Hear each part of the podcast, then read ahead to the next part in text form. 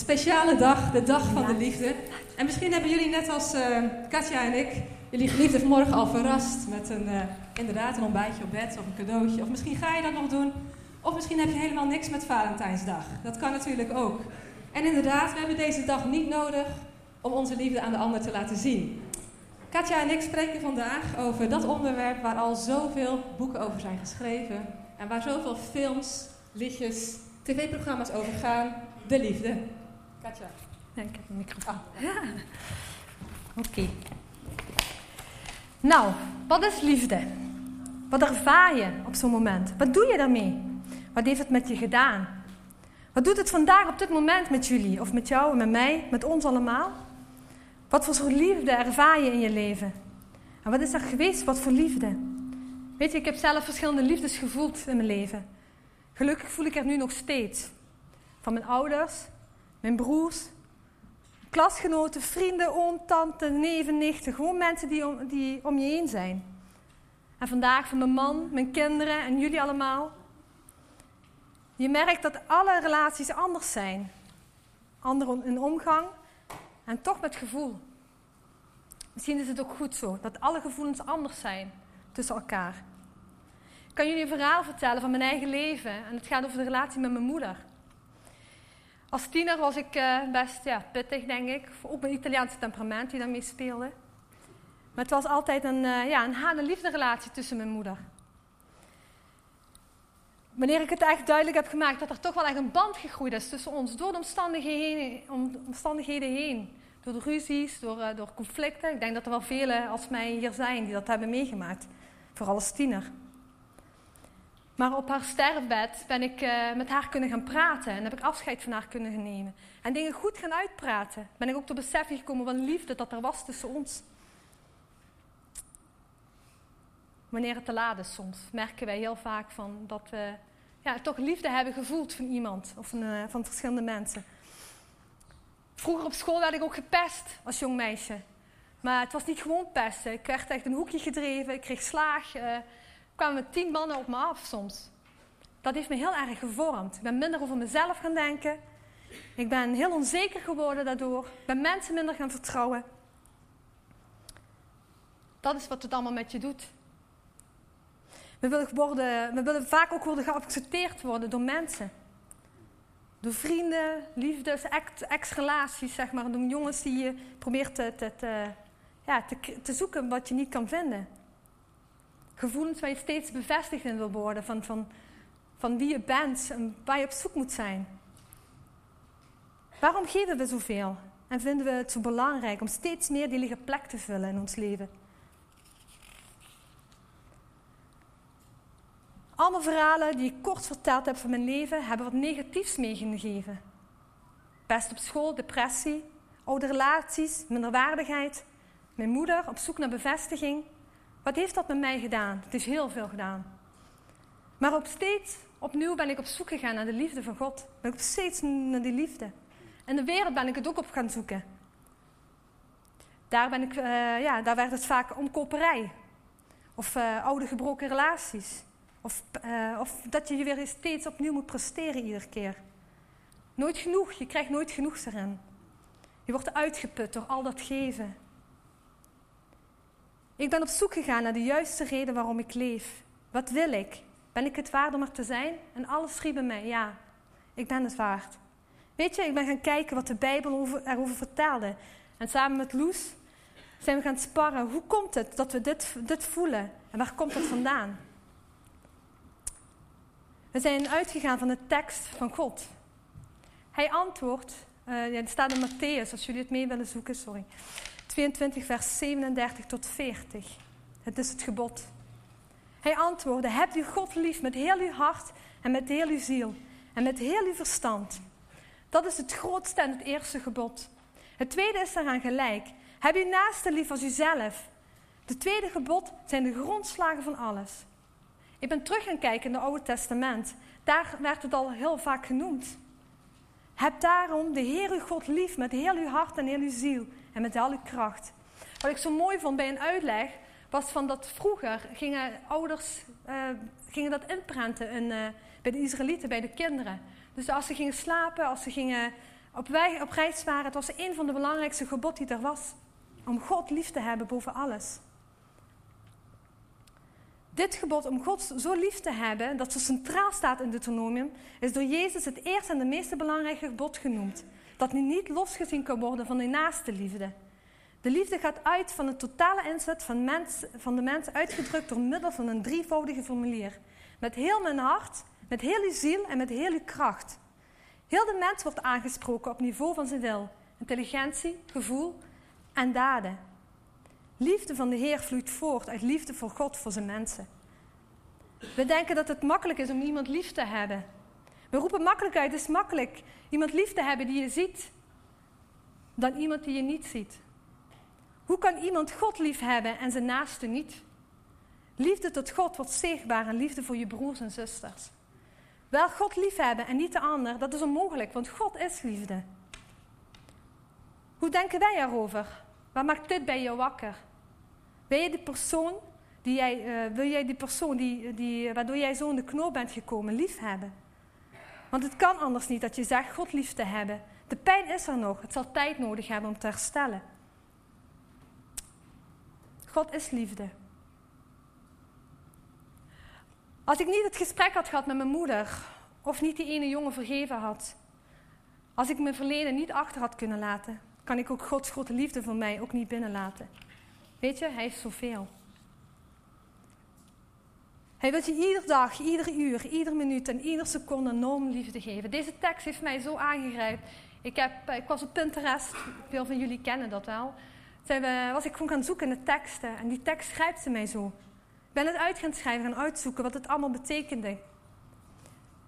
De eerste tekst staat in Psalm 139, vers 17.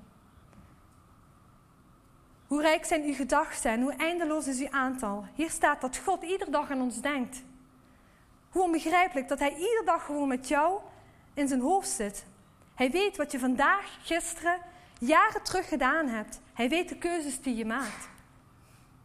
In Psalm 121, vers 5 staat dat de Heer is je wachter. De Heer is uw schaduw aan je rechterhand.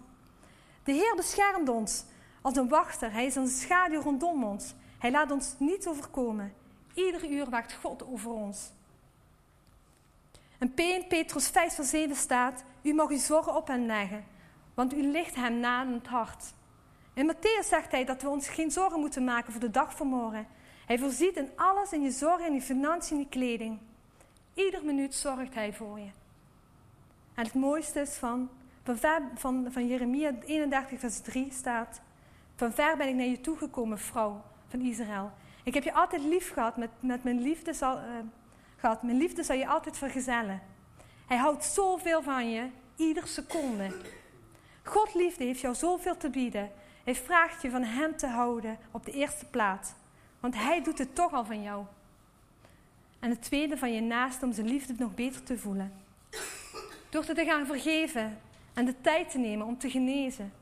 En te herstellen van alle pijn en verdriet. Om mezelf een kans te geven om mij te accepteren zoals ik uh. En anderen naar mijzelf gaan kijken. En anders naar mezelf gaan kijken.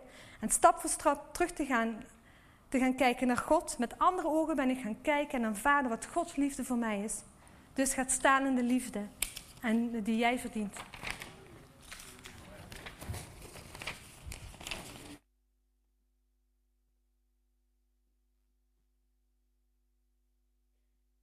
Ja, Katja die gaf aan dat de mens in deze wereld verlangt naar liefde.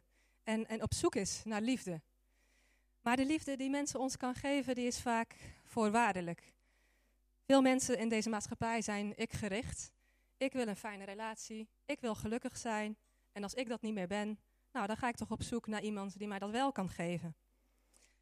En mensen zijn vaak teleurgesteld in de liefde. En ze gaan vaak van relatie naar relatie. Of wat er ook wel gebeurt, is dat ze zo teleurgesteld zijn dat ze niet meer openstaan voor een relatie. En dat ze zich afsluiten van mensen. Dus hè, die regel van tot de dood ons scheidt, voor heel veel mensen geldt dat niet meer. Of ze durven er niet meer in te geloven. En dat heeft ook te maken met wat we om ons heen zien. Hoeveel gezinnen zien we dat er een scheiding plaatsvindt? Mensen durven niet meer te vertrouwen op dat een liefde voor altijd is. Maar Gods liefde, die is heel anders. God, die houdt nog steeds van ons, ook al maken we fouten. En bij God staat die liefde los van ons gedrag. En dat zijn we niet gewend. Tenminste, in de wereld worden we vaak afgerekend op ons gedrag, wat we doen. Tenminste, daar zijn we bang voor dat dat gebeurt. Daarom is ook Gods liefde zo bijzonder. En natuurlijk, hij wil niet dat we het verkeerde kiezen. Hij wil dat het goed met ons gaat. Hij wil dat het, ja, hij heeft het beste met ons voor. Maar zijn liefde stopt niet. Ook al heb je tien keer dezelfde fout gemaakt, ook al heb je honderd keer diezelfde fout gemaakt. Zijn liefde is oneindig en zijn liefde duurt voor altijd. Zijn genade duurt voor altijd. Ja, je kan teleurgesteld zijn in de liefde. Mensen die je vertrouwden, die van je zouden moeten houden, ze hebben jou misschien pijn gedaan. En misschien ben je afgewezen en heb je je afgesloten, een muur om je heen gebouwd, zodat je niet meer gekwetst kan worden. Maar diezelfde muur die zorgt er ook voor dat je geen liefde meer binnenlaat. En achter die muur voel je vaak eenzaam en verlang je heel erg naar die liefde. Ja, God heeft ons gemaakt om liefde te ontvangen en liefde door te geven. En we mogen liefde ontvangen van God in de eerste plaats. Hij heeft ons gemaakt, hij houdt van ons. Maar God heeft ook mensen in ons leven geplaatst waarvan wij liefde mogen ontvangen. Onze ouders, opa's, oma's, familieleden, de mensen in de kerk. En liefde ontvangen, maar ja, ook zeker liefde geven, dat lijkt misschien vanzelfsprekend, maar dat is het zeker niet. Het kan heel lastig zijn.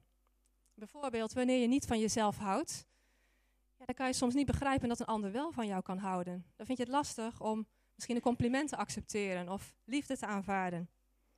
En wanneer je niet geliefd bent geworden, als kind misschien, ja, dan kan het ook heel moeilijk zijn om een ander liefde te geven.